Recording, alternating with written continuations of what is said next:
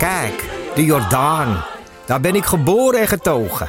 De nieuwe Nederlandse musical Onze Jordaan van Diederik Ebbingen is dit najaar in de theaters te zien. Koop nu uw kaarten op onzejordaan.nl. Leuk toch? Het allereerste badje, vele slapeloze nachten en nog veel meer vieze luiers. Genoeg om je druk over te maken in de eerste duizend dagen. Dan wil je je niet ook nog eens druk maken over wat er in je babyproducten zit. Daarom houden wij het clean en simpel bij Naïef. Met zachte verzorging voor de gevoelige babyhuid. Zonder microplastics, minerale oliën en alcohol. Zo zorgen we niet alleen voor je baby, maar ook de wereld die ze hun thuis noemen. For your baby's baby's baby dus. Naïef. Iedereen zegt nee, echt de, de place to be is. Dus we komen het vandaag proberen. Uh, wat hebben jullie nu wat hebben jullie gekocht? Een cruffin met rabarber en met chocola. Een chocoladecroissant, amandelcroissant. We hebben eigenlijk alles gekozen wat we lekker vonden. Ja, goed, ik woon hier eigenlijk om de hoek. Dus, uh, en volgens mij ging er al een beetje een bas. Ja, Fort 9 komt hier en het, uh, de bakkerij, zuurdesem. Nou ja, goed. En dan, als je dan een, een baard hebt en een fictie rijdt, moet je hier dus langs. wat ga je nu? Weet jij wat een cruffin is? Ik denk een, een, een muffin en een croissant in een liefdesrelatie. Oh ja, wow, inderdaad. ik had bij dat eerste fragment uh, die man. Ik ben altijd heel bang dat ik zo klink. Uh, die kakker? Ja. nou ja. Nee, hij, maar dit was ook zondagochtend. Dan klinkt iedereen zo. Precies. In die buurt.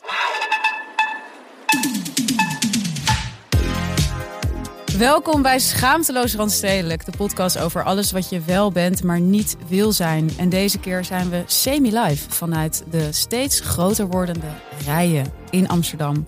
Mijn naam is Doortje Smithuizen, tegenover mij zit Berre van den Brink. En zoals iedere week houden wij onze luisteraars een spiegel voor en onderzoeken we de paradoxale relaties met de systemen om ons heen. Ja, semi-live dus vanuit de rij. Ja, daar kun je, kun je eigenlijk niet meer uh, omheen in de stad. Gigantische rijen voor bepaalde horecazaken.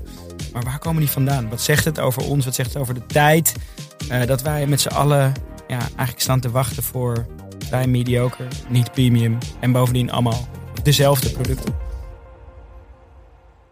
Daar gaan we het vandaag over hebben. En uh, zoals gezegd, we hebben dus zelf ook in de rij gestaan zijn echt heftige, heftige omstandigheden hebben we doorstaan voor deze aflevering. Zwaar overprikkeld geraakt. Absoluut. Alles voor de luisteraar. Maar eerst onze rubriek met actualiteit.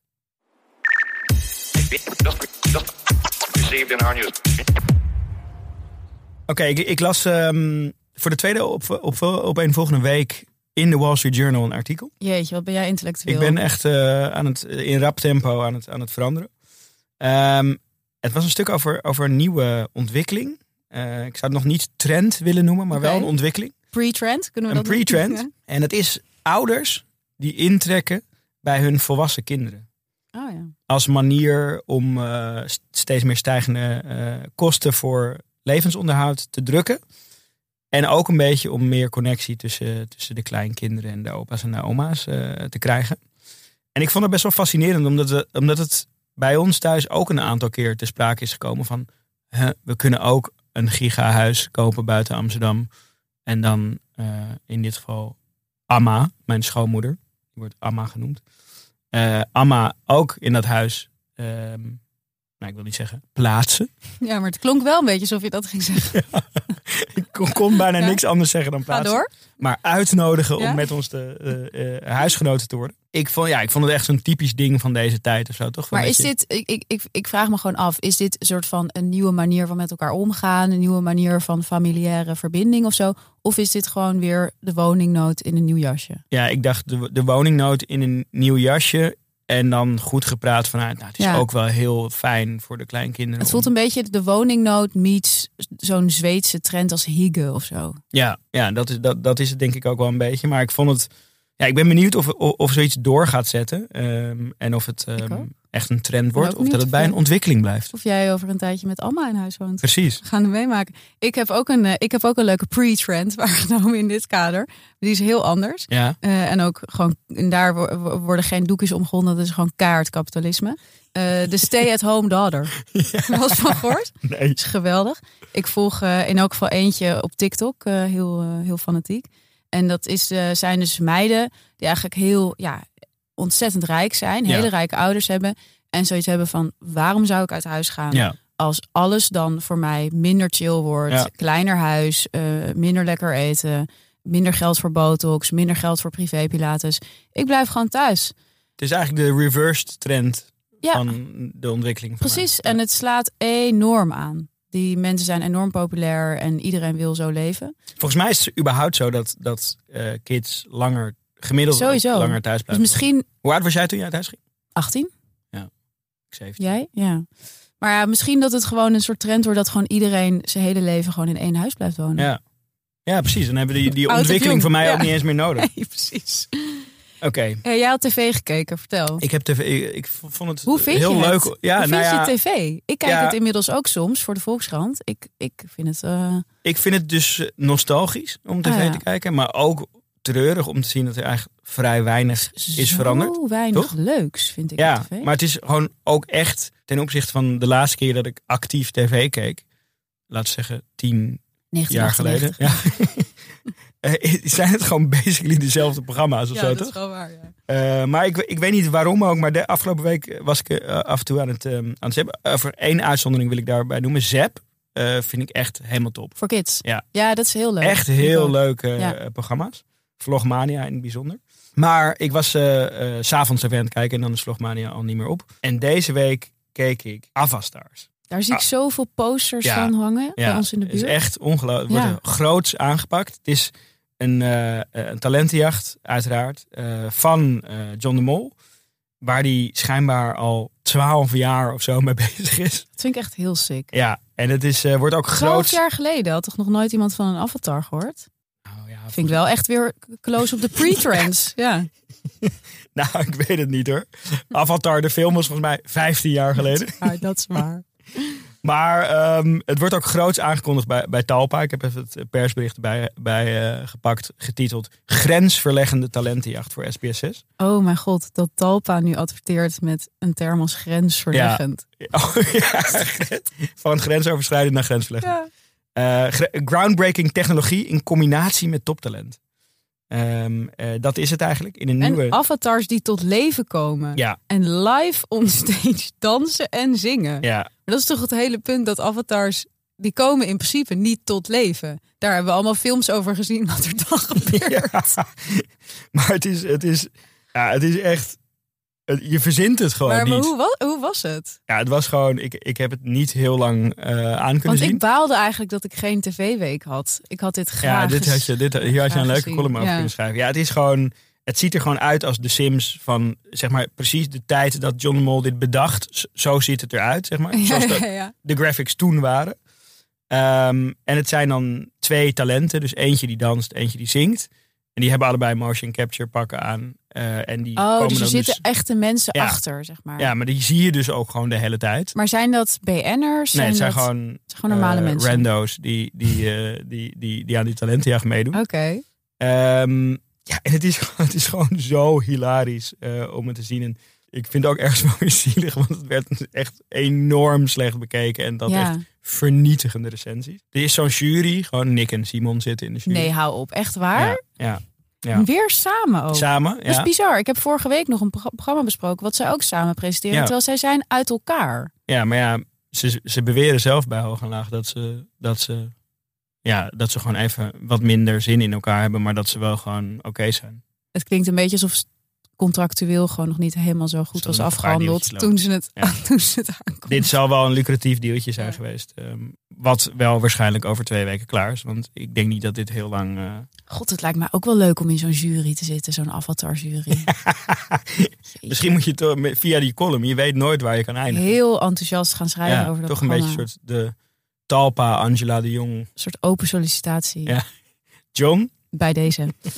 Eh, ik had ook nog een mediatip. Een podcast die ik geluisterd heb van NRC. Over een podcast die de overheid eh, heeft gemaakt. Naar aanleiding van de toeslagenaffaire. Ja. Ik heb er ook al veel over gehoord. En hij is echt, ik vond hem echt heel interessant. Mhm. Het gaat er namelijk over eigenlijk hoe de overheid heel erg probeert om ambtenaren te betrekken bij ja, morele dilemma's, daar gesprekken over te voeren. En zeker naar aanleiding natuurlijk van zo'n totale ramp als eh, dat toeslagenschandaal. Mhm. Denken ze bij de overheid ook, oké, we moeten dat gesprek meer op gang brengen. Nou, hoe gaan ze dat doen? Er zijn dus allemaal eh, ja, eh, manieren voor. ik vond zelf in die NRC-podcast, daar werd heel lacherig over gedaan. Van dat, dan worden er dus inderdaad, ja, voetschilders en spoken word artists Mhm. en theatermakers. workshop elementen. Ja, weet je wel, verhalenvertellers. Die worden dan ingevlogen om met die mensen in gesprek te gaan over van, nou, waar, wanneer ga je nou morele grens over? Of Mhm. waar ligt voor jou de grens en zo. Ehm, nou, daar kan je van alles van vinden. Het is ook wel een beetje lachwekkend. Maar goed, ook goed dat ze het proberen in elk geval. Mhm. Maar op een gegeven moment ze natuurlijk bij die overheid van ja, de enige mensen die zich aanmelden voor die eh, cursussen zijn de mensen die misschien toch al heel erg bezig zijn met dat soort vraagstukken. Ja. Precies. En bij de overheid werken natuurlijk waanzinnig veel mensen. Dus wat dachten ze? Ze- We moeten een medium pakken wat heel veel mensen aanspreekt. Nou, wat is er nu hip en happening? De podcast. Ja. En hebben ze dus een podcast eh, laten maken. Waarbij die ambtenaren dus eigenlijk geïnterviewd worden over ja, hun eigen morele dilemma's. Ja. En het hele thema. eh, Kon je dat ook luisteren? Of Ja, het- ze hebben fragmenten van die podcast, heeft NRC in handen. En die kan je dus ook horen eh, in die podcast erover. Mhm. Maar wat dus zo bizar is, is dat dus het thema van die, eh, van die podcast die ze dus hebben gemaakt bij de overheid, is Hannah Arendt.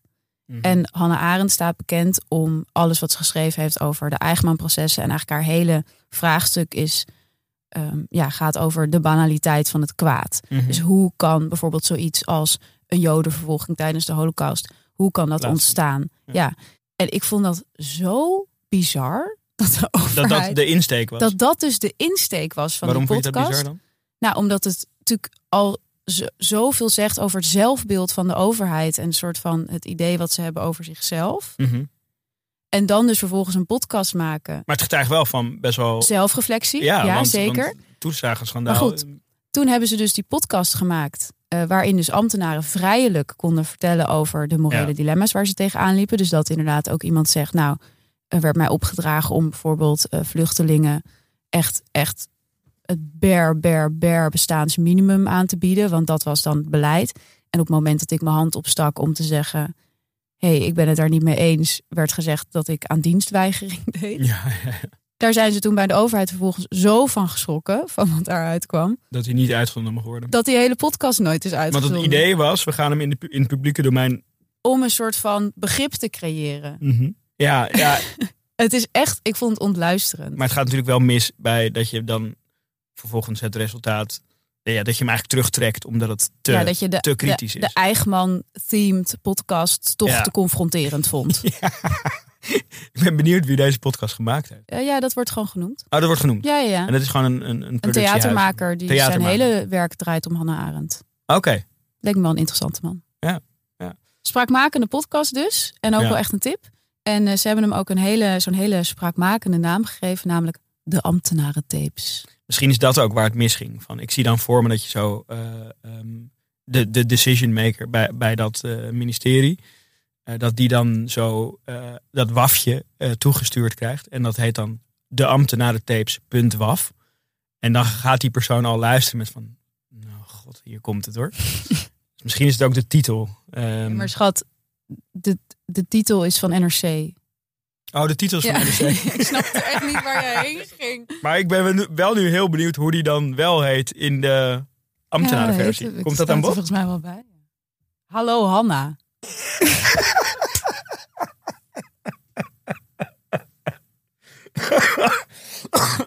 Jezus Christus. Voordat we het ehm, eh, verder over gigantische rijen in de stad gaan hebben, gaan we eerst eventjes naar onze sponsor Bamigo.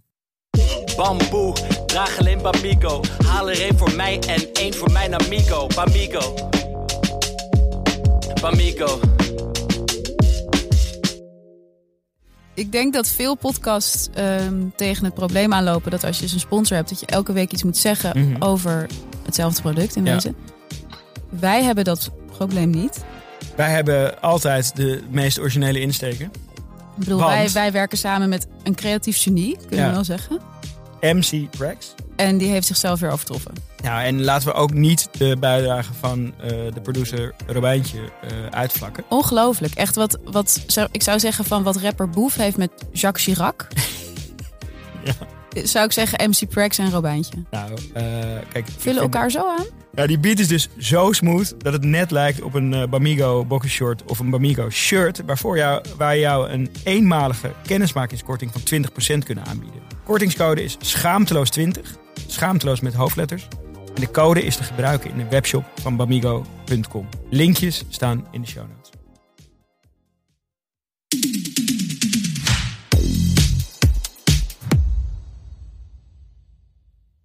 Oké, we gaan door met het hoofdonderwerp van vandaag. Want van de horeca tot ons interieur en van de logo's van alle modemerken tot aan weer een shared dining tentje bij je om de hoek. Alles lijkt ongelooflijk veel op elkaar.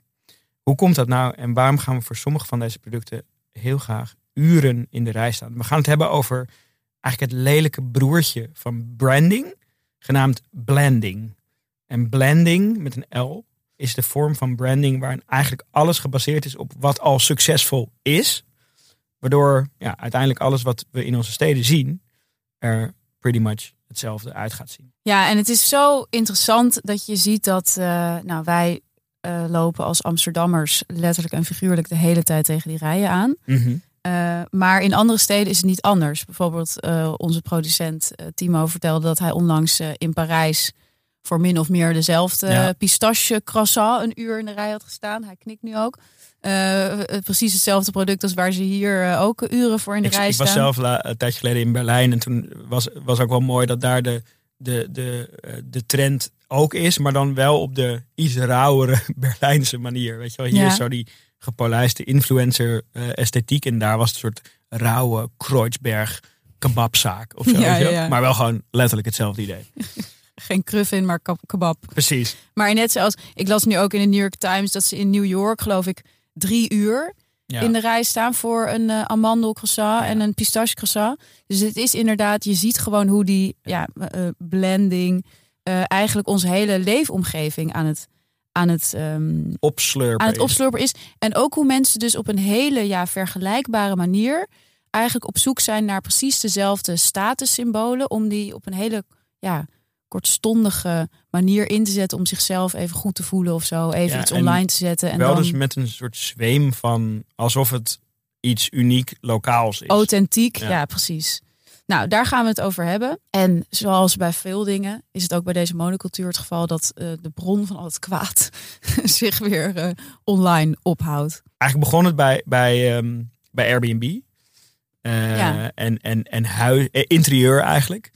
Ehm, dat noemden ze eh, op, de, op The Verge in 2016 eh, verscheen er een artikel en het ging over airspace. En dat be- beschreef eigenlijk al een beetje deze ontwikkeling eh, toen het nog een beetje aan het gebeuren was. Dus dat die Toen nog een pre-trend was. eigenlijk toen het Ja. een ontwikkeling was en geen trend. Ja, oké. Misschien moet dit een terugkerend themaatje worden. Oh, misschien leuk. Ehm, en ja, ja, zij schreven dus over airspace. Eh, hè, dus, dus het idee dat mensen die op Airbnb hun huis verhuren, eigenlijk eh, op zoek zijn naar zoveel mogelijk nachten eh, Mhm. verhuren. Ja. Dus eigenlijk een soort zekerheid in willen bouwen van dat ze ook die, die, dat inkomen gaan, gaan genereren. En daar eigenlijk hun interieur op gaan aanpassen. Dus, Ja. dus ehm, dat je eigenlijk ontdekt van oké, wat zijn nou de patronen? Wat vinden mensen mooi? Nou, Toenertijd was het waarschijnlijk zo'n soort van exposed brick wall. Ja, Eh, stalen deur. Ja, precies. Ja.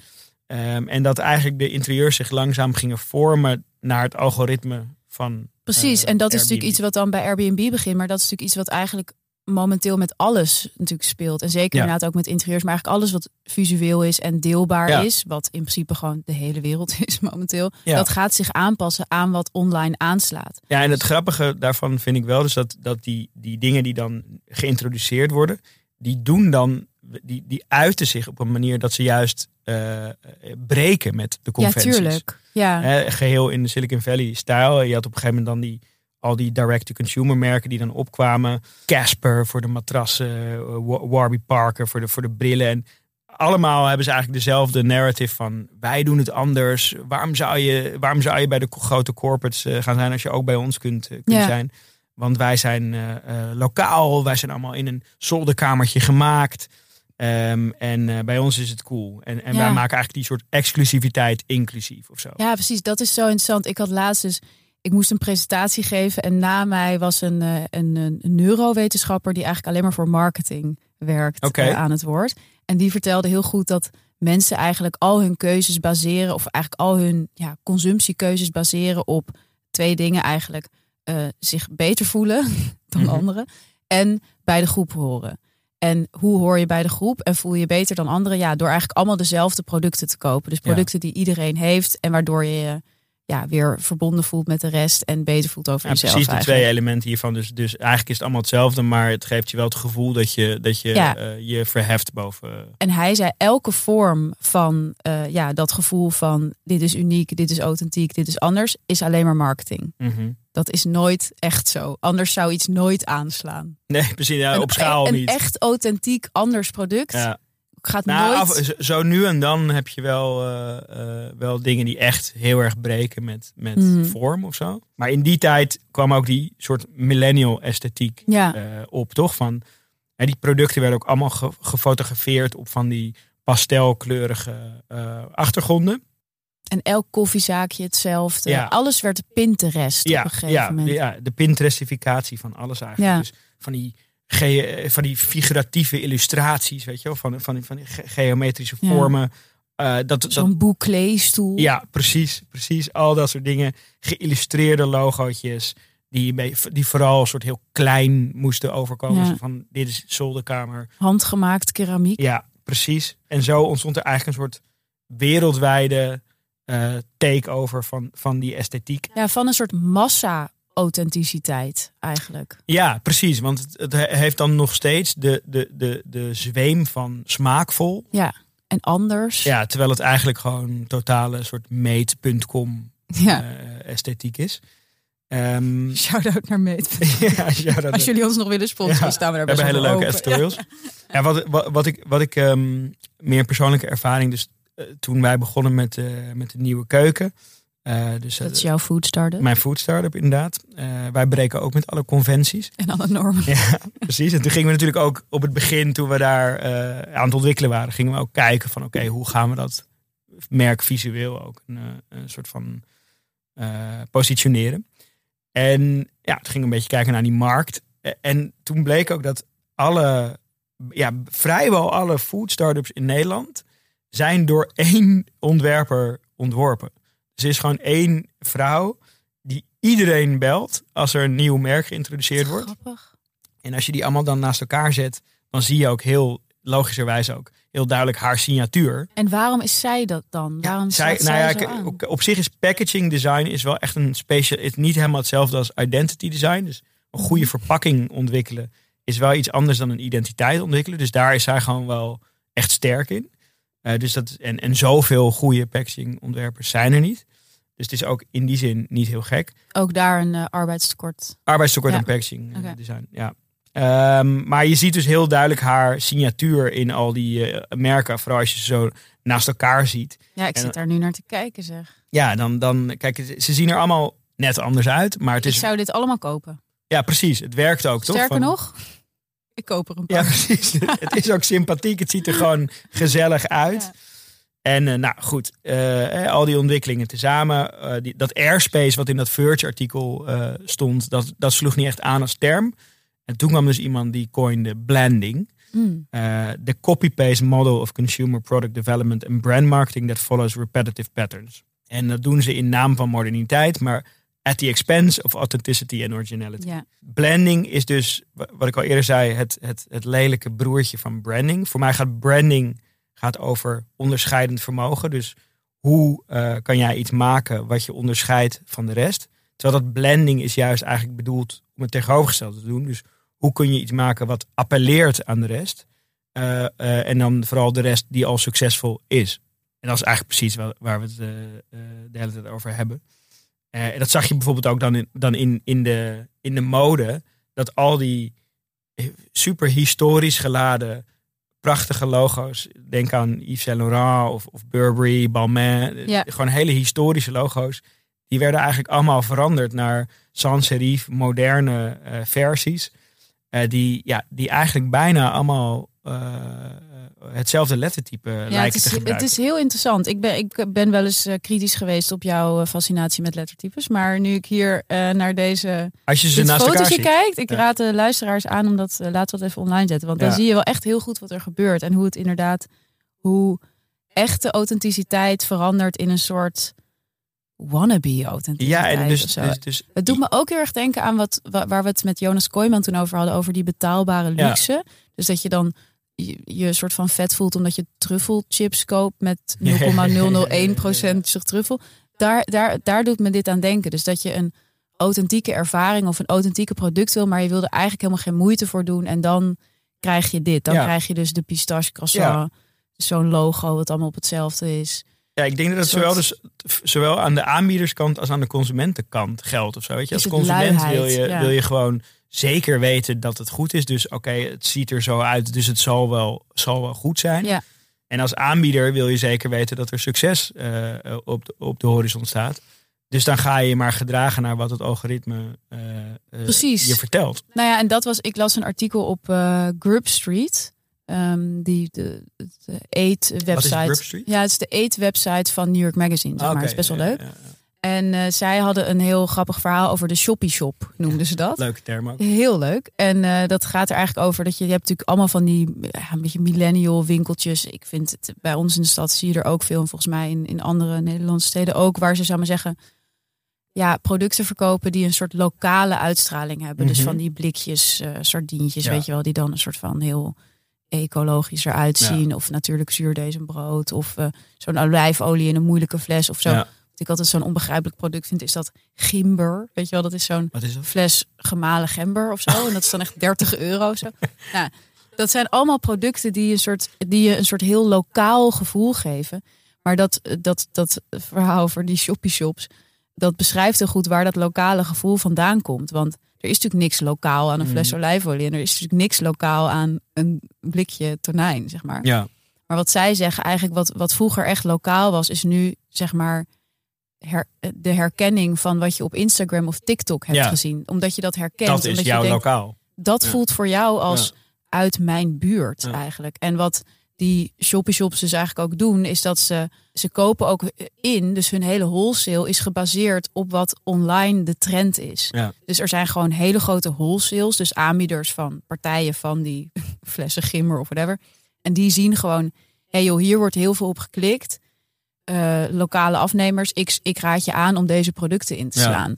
Dus eigenlijk dat hele gevoel wat we hebben op het moment dat we in zo'n winkeltje staan en zo'n potje zout kopen waarvan we denken van oeh, dit is echt heel speciaal of zo. Dat is gewoon gebaseerd op algoritmes. Ja, ja, ja het, is ook- het is eigenlijk een soort de moderne cadeauwinkel of zo, toch? Is het geworden. Vroeger had je toch van die cadeauwinkels waar ja, gewoon van die random Ja, maar- designproducten. Maar dan dus ook nog, zeg maar, algoritmisch gestuurd. Ja, nee, precies. Want in zo'n cadeauwinkel kon je van veraf ook al zien dat het allemaal meuk was. Toch? Ja. Ja, en ook ehm, in de horeca is het natuurlijk echt enorm eh, zichtbaar. Dus deze hele soort monocultuur, die, die vertaalde zich in de opkomst van allemaal van die monoconcepten. Dus hè, de, de burgerbarren, die kwamen toen ook Ja. een beetje op. Eh, denk aan eh, de avocado show. Ja, de dus vegan junk food bar. ja, dus gewoon dingen die heel duidelijk op één ding eh, focussen. Dus met, de, met dit in ons achterhoofd zijn wij dus de stad ingegaan. Ja. Ehm, Helemaal open erin zijn ja, we ja, helemaal niet met een preconceived We standpunt. gingen echt vol goede moed in die rij staan. Oké, wat we hebben gedaan, we zijn gewoon door de stad gaan lopen en we zijn naar die rijen toe gegaan en we hebben eigenlijk mensen gevraagd, waarom sta je hier? Hoe kom je Wat erbij? fuck doe je hier? Wat de fuck doe je hier en wat verwacht je Ja. hier te halen? Eh, en we zijn naar een aantal plaatsen geweest. We zijn naar eh, Saint-Jean geweest, een soort heel hip eh, banketbakker. Ja. We zijn naar Chun geweest, een Koreaanse broodjeszaak. We zijn naar Van Stapelen geweest, Juist. Koekjes. koekjes. En we zijn naar Fabel. Fabelfriet geweest. Ja, maar toen waren we inmiddels waren al zo we klaar ermee. dat verzadigd. ja, toen zijn we ook heel snel weggegaan. Dus laten we even schakelen naar onszelf in de stad. eh, op zoek naar monocultuur. God, dat is zo meta weer. Heerlijk. How long have you been waiting? Um, not how long. We actually just got here. Yeah, we actually just got here a few minutes ago. So And how did you find this place? TikTok. TikTok. Yeah. TikTok. TikTok. And what did you see on TikTok?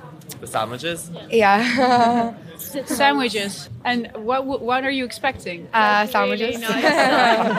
Ik vind het wel heel mooi dat hun verwachting is heel, is heel Duidelijk. Ja, is heel realistisch. Ze komen voor sandwiches, ze verwachten sandwiches. Ze zijn niet per se, lijken niet per se onder de indruk van de hype. Verwachten gewoon een broodje. Ja, ze zijn gewoon heel primair daarin. Ja. Eh, dit waren, was een groepje Ierse toeristen. Ik zag ze later ook alweer bij eh, Van Stapelen mooi, staan, ja. bij die koekjes. Dus die, die gingen gewoon het rijtje af. Die het gingen gewoon, waarschijnlijk hebben die één van hun twee à drie dagen Amsterdam in zijn geheel aan deze rijen aan besteed. TikTok gewijd. Ja, geweldig. Nou, er waren ook wel wat mensen die iets, die iets meer al, ja, iets meer psychologische gelaagdheid vertoonden. Ja, we komen hier niet vandaan, dus we zijn hier ook niet verder bekend. Maar goed. Jullie zijn hier hier- niet bekend, Nee. maar hoe weten jullie dan van deze plek? Van YouTube. Waar? Volgens mij zag ik dat bij Beauty Gloss. En wat heb je dan gezien? Dat ze hier een broodje ging halen. Hoe lang, hoe lang wacht je maximaal op een YouTube-broodje? Ik heb geen idee. Ik denk niet dat ik de rij nog uit ga, dus ik ben heel benieuwd hoe lang het duurt. Je gaat nu, je gaat ervoor. Ja, tuurlijk. Ik klink echt als een soort eh, Frans promet. Ja, de, de, de 2000 versie. 2023. Ik vond het wel heel mooi. Er was een paroolartikel ook over deze rijen. Mhm. En eh, daarin beschreef een psycholoog ook, die werd geïnterviewd, hoe dat werkt met cognitieve dissonantie. Ja, Dus op het moment, zij zegt ook, we staan nou in die rij. dus we gaan niet weg ook. We gaan voor dat broodje, Ja. weet je wel, dat YouTube-broodje. en hij zei ook, ja, dat is, dat is hoe mensen werken. Zeg maar, op het moment dat ze in een rij gaan staan, gaan ze het voor zichzelf altijd goed praten dat ze in die rij staan. Dus ook al sta je een uur lang in die rij voor, nou, wij zijn uiteindelijk niet in die rij gestaan, want wij vonden het gewoon te lang. Voor wat er voor mij basically uitzag als een soort van geroosterd brood met eiersalade. Ja. Eh, dan nog zal je altijd tegen jezelf zeggen dat het fantastisch Nou, is. in, het- in het bijzonder deze mensen, want eigenlijk zagen wij ze aankomen lopen. Ja, En ze wilden eerst weggaan, omdat ze de rij te lang vonden. en omdat ze ons zagen. En omdat ze ons zagen en wij al een soort van aanstalten maakten om, om ze te tarten. Wij zagen al dat ze heel veel gingen leveren. Ja, precies.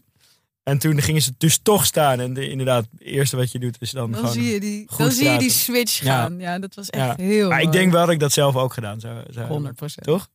nou, dit was, dan, dit was dan de ervaring bij uh, Chun. Mhm. Eh, en daarna gingen we naar eh, Saint-Jean. Dat is dus van die, van die pistache, eh, van die pistache croissants. Ik ben gewoon even benieuwd waarom er inderdaad zo'n lange rij staat. En erbij om hier in de rij te gaan staan? Ehm, nou, ik wilde eigenlijk al een tijdje wat ik dat doen. En ik kom hier ook niet vandaan, maar ik dacht ik ga gewoon heen en kijken of... Waar kom je vandaan? Ja, Enkhuizen en Hoorn. Een beetje die kant op. En je bent helemaal hierheen gekomen naar Amsterdam voor deze plek. Ja, Ah, echt speciaal voor deze plek. ja eigenlijk wel. En waar heb je Eh, erover gehoord dan? Eh, op TikTok heb ik het gezien. Oké. Ja. Ik ga een croissantje bestellen met eh, pistachio, denk ik. Die had je al gekeken. Ja, ja. En, en, en als je op TikTok kijkt naar deze plek, wat zie je dan? Een hele, ja, hoe zeg je dat? Een mooie vibe, zeg maar. En er komen heel veel cultuur komt er langs. Dus het, het is gewoon een hele mooie plek, denk ik. Met pistachio denkt ze. Ja, ze had het eigenlijk van tevoren al helemaal bedacht. Ja. Dat, dat, daar, daar kwam ze voor. Ja, ik vond daar, daar ehm, even los van, van dit, dit eh, meisje, eh, maar als je letterlijk uitzoomt en dan heb je, eh, je kijkt naar dat pand, dan heb je rechts ehm Saint-Jean in diezelfde eh, visuele identiteit als die modelogo's waar we het, waar we het net over hadden. En Dus als Chun. ja, En ja, als- het is gewoon letterlijk hetzelfde logo als. Jun. Ehm, en dan links daarvan heb je de kat in de wijngaard. Nou, voor mensen ehm, eh, in Amsterdam, dat is echt nog een goede klassieke bruine kroeg.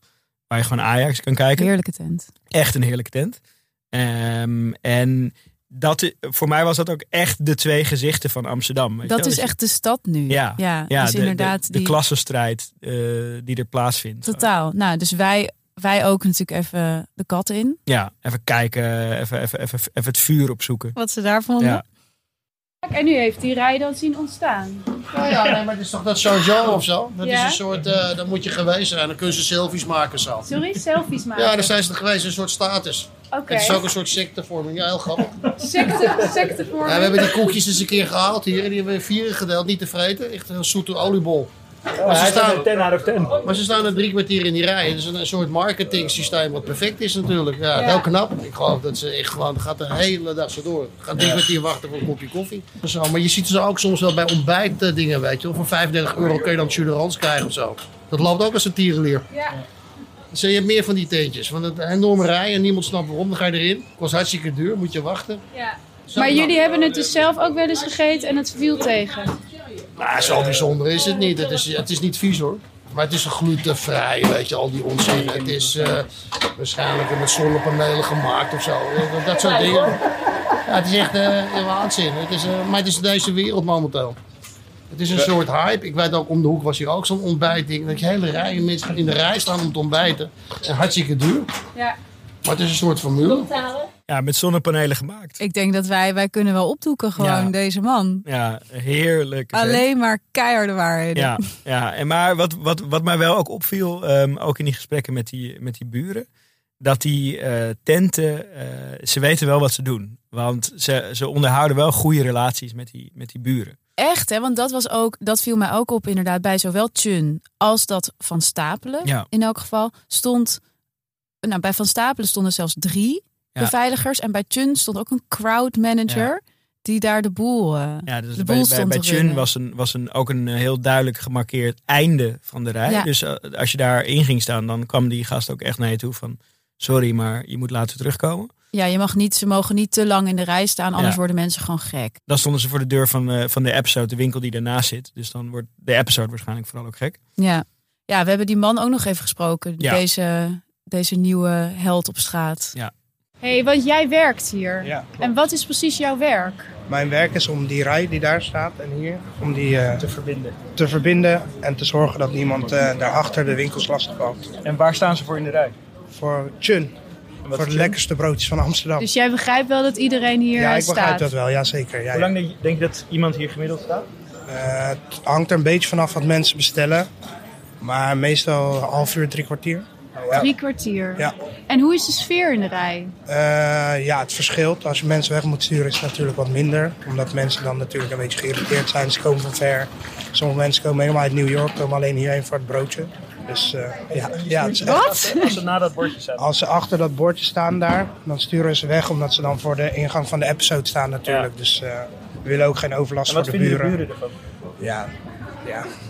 Dat eh, durf ik niet te zeggen, maar ik denk dat ze er niet heel blij mee zijn. Maar mensen komen helemaal uit New York voor Ja. hier een broodje. Ja, dat zijn van die foodbloggers, die komen dan helemaal... ja. Dat is toch helemaal gestoord? Ja, ik zou willen dat ik het kon. ja, toch? Het is gewoon de hele Atlantische Oceaan overkant voor een broodje. Nou, en hierna gingen we dus nog door naar Van Stapelen. Hebben we ook mensen geïnterviewd in die rij. Maar we merkten ook wel dat het een beetje... Het werd, Van Stapelen was wel echt het summum qua rijden. dat was niet normaal. Daar was ik echt wel een beetje Dat geschokt. was 100 plus meter, denk ik. Zeker. Toch? Ja, dat ging helemaal door over de gracht. Over de brug. Eerst ene kant van de straat, andere kant van de straat. Brug. Brug, nog verder. Echt ongelooflijk. Maar goed, zelfs die hele lange rij kregen we toch niet meer heel veel antwoorden waar we nou echt heel erg van ondersteboven Nee. Iedereen zijn zelf. Ja, ik heb het op TikTok gezien. Het lijkt Ja. me lekker. Ik heb het bij Beauty Gloss gezien. Ja. Dus waar vonden wij het, de authentieke stem van de Amsterdammer? Nou ja, bij eh, de Tweede Kamer, de koffieshop die ernaast zit. En waarvan ik me herinner dat vroeger als ik door de stad liep, daar Daar stond een rij. een enorme rij toeristen Ja. stonden. Die vervolgens, die vervolgens zo stoned van de THC-levels kotsend door die steeg liepen. Dat was wel een goede combo geweest. eh. Ja. Eerst stoned, dan koekjes. Ze hadden samen moeten werken. En jij, jij runt hier de koffieshop. Ja, ja. Vroeger stonden ze voor jou in de rij. Klopt. Ja, dit is nu nu een eh, andere koekjes. wereld. Kijk, weet je, aan de ene kant natuurlijk, het is, ik, ik gun het de mensen, maar aan de andere kant ben ik geboren getogen in deze stad en ik vind het wel idioot inderdaad dat je bij die patatzaak, die is er al, eh, geloof ik, de Heilige Weg is ook een stroop, uh, stroopwafeltent. Het lijkt net of ze ergens langs een pui komen waar ze eh, allemaal te horen krijgen van, eh, ja, daar moet je heen. Kijk naar TikTok. Ja, nee, maar dat is het, ja. ja, ja. Heb je ze zelf wel eens gegeten? Ja, ja, ja. ja. Vind je ervan? Heel lekker koekje. Ja? Ja. Maar Zou je er een eh, uur voor in de rij staan? nee, nooit. Nee, nee. Maar dat, dat- weet je wat, dat is... eh, ja, als ik in Rome ben en ik zie een, eh, voor een pizzeria een hele lange rij, dan zou ik het ook niet doen, weet je. Maar zo zit ik gewoon niet in elkaar. Weet je. Het, is, eh, het zal heus wel lekker zijn hoor, maar weet je, dus de, de Amsterdam op dit moment, dat wordt meer geketend. Ik ben hier geboren, getogen op de spui, maar ik zou niet meer weten of ik iets zou willen kopen, zeg maar. Weet je, of ik zou kunnen halen in deze, behalve de boekhandel dan, weet je. Maar eh, het is, eh, ja, is zo'n rare eh, wereld in één keer. Het gaat zo hard, maar dat. Veel te hard voor mij, zeg maar, in dat opzicht. Ik heb iets van, weet je, laat maar. Eh, Weet je wat ik, wat ik heel erg ehm, eh, proefde bij al die buren en zo? Mhm. Een soort, soort berusting. Ja, hè? Dat Van, vond ik ook. Ja, het is nou eenmaal, dit Het is, is nou nou- eenmaal wat het- deze stad geworden is. Het, en ook, het is nou eenmaal wat het nu is. En over een jaar is het weer wat anders. Ja. En Ja, wij dus- blijven gewoon hier zitten. Er zat ook een soort sprankeltje hoop van eh, dit is gewoon een, een, een- golfje en het gaat wel weer over. Ja, en ook dat je je er dus ook gewoon helemaal van kan onthouden. En Ja. gewoon kan denken, prima, gaan jullie lekker drie uur in die rij staan voor zo'n kutkassa. Ja. Ja. Succes. Wat denk jij? Ik denk succes. Maar wat de- wat- ik bedoel meer lange termijn. Denk jij dat dit, dat dit ehm, Ik denk dat, ehm, dat dit wel eh, een tijd door zal gaan. Ja. Eh, dat dus het, het- het gegeven dat online eigenlijk onze leefwereld gaat bepalen, maar dat het, ehm, dat het gewoon heel snel, het zal heel snel veranderen. Ik denk echt dat dat Saint-Jean, dat lijkt mij niet een heel lang leven mhm. ehm, in het vooruitzicht hebben. Ik zou zeggen dat dat over één of twee jaar weer failliet gaat, omdat er dan weer iets anders interessant is. Je zag dat toch ook met die bubble tea en zo. Dat was toch ook een tijdje heel erg hip. Ja, ik denk wel dat het een meer. model kan zijn dat je als je, in, als je consequent in, de- in de eh, top 10 lijstjes in de, op toeristenblogs eh, Ja. zit, dat, dat kan je dan lang volhouden, omdat mensen maar één keer in een paar jaar misschien naar Amsterdam komen of zo. Mhm. Dingen zoeken om te doen. Maar ehm, ja, ik hoop ook wel dat het, dat het op een gegeven moment gewoon. Maar wat denk jij? Ik weet het niet. Ik, eh, ik hink een beetje op twee benen. Aan de ene kant, kijk, iedere ontwikkeling of trend eh, heeft een tegentrend. Dus Ja. het, moet, het moet gaan gebeuren dat, dat echte authenticiteit weer eh, een ding wordt. Dus dat er weer echt puur lokale initiatieven gaan komen. Die misschien wel bewust niet op TikTok gaan of niet op Instagram gaan. En zo eigenlijk gaan, gaan, voet aan de grond gaan krijgen. Maar aan de andere kant, ja, ik zie ook niet echt het licht aan het eind van deze algoritmische tunnel. Er is ook gewoon te veel geld mee te verdienen. Ja, Dat is het gewoon. ja als je naar zo'n van stapelen, ik bedoel, die mensen Ja. moeten gillend rijk worden. Absoluut. Marges zijn zo hoog. Wat verkopen ze nou? Gewoon eh, wat koekjes, Koekjes, met een ja, ik zakje bedoel, eromheen. Iedereen maakt wel eens thuis koekjes van. Ja. Dat kost geen drol.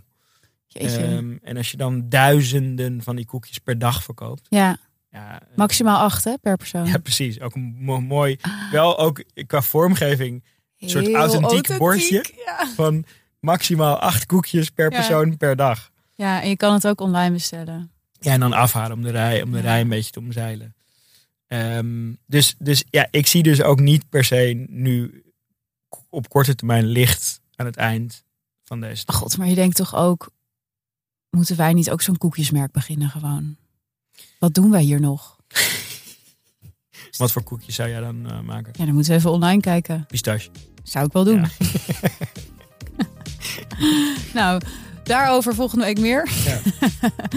Bedankt voor het luisteren. Dit was Schaamteloos Randstedelijk, de podcast over alles wat je wel bent, maar niet wil zijn. Wil je op de hoogte blijven? Abonneer je dan op onze podcast in je favoriete app. En volg ons natuurlijk op Instagram, Schaamteloos Randstedelijk. Tot volgende week. No? Which one is your favorite? There's only one. Oh, there's I only mean, one? Yeah, that, that, that's the thing. Wow. Yeah, yeah. didn't. Eén premium koekje. Yeah. Oh, now I Ja, understand. now you understand, hè? That's it. That's it.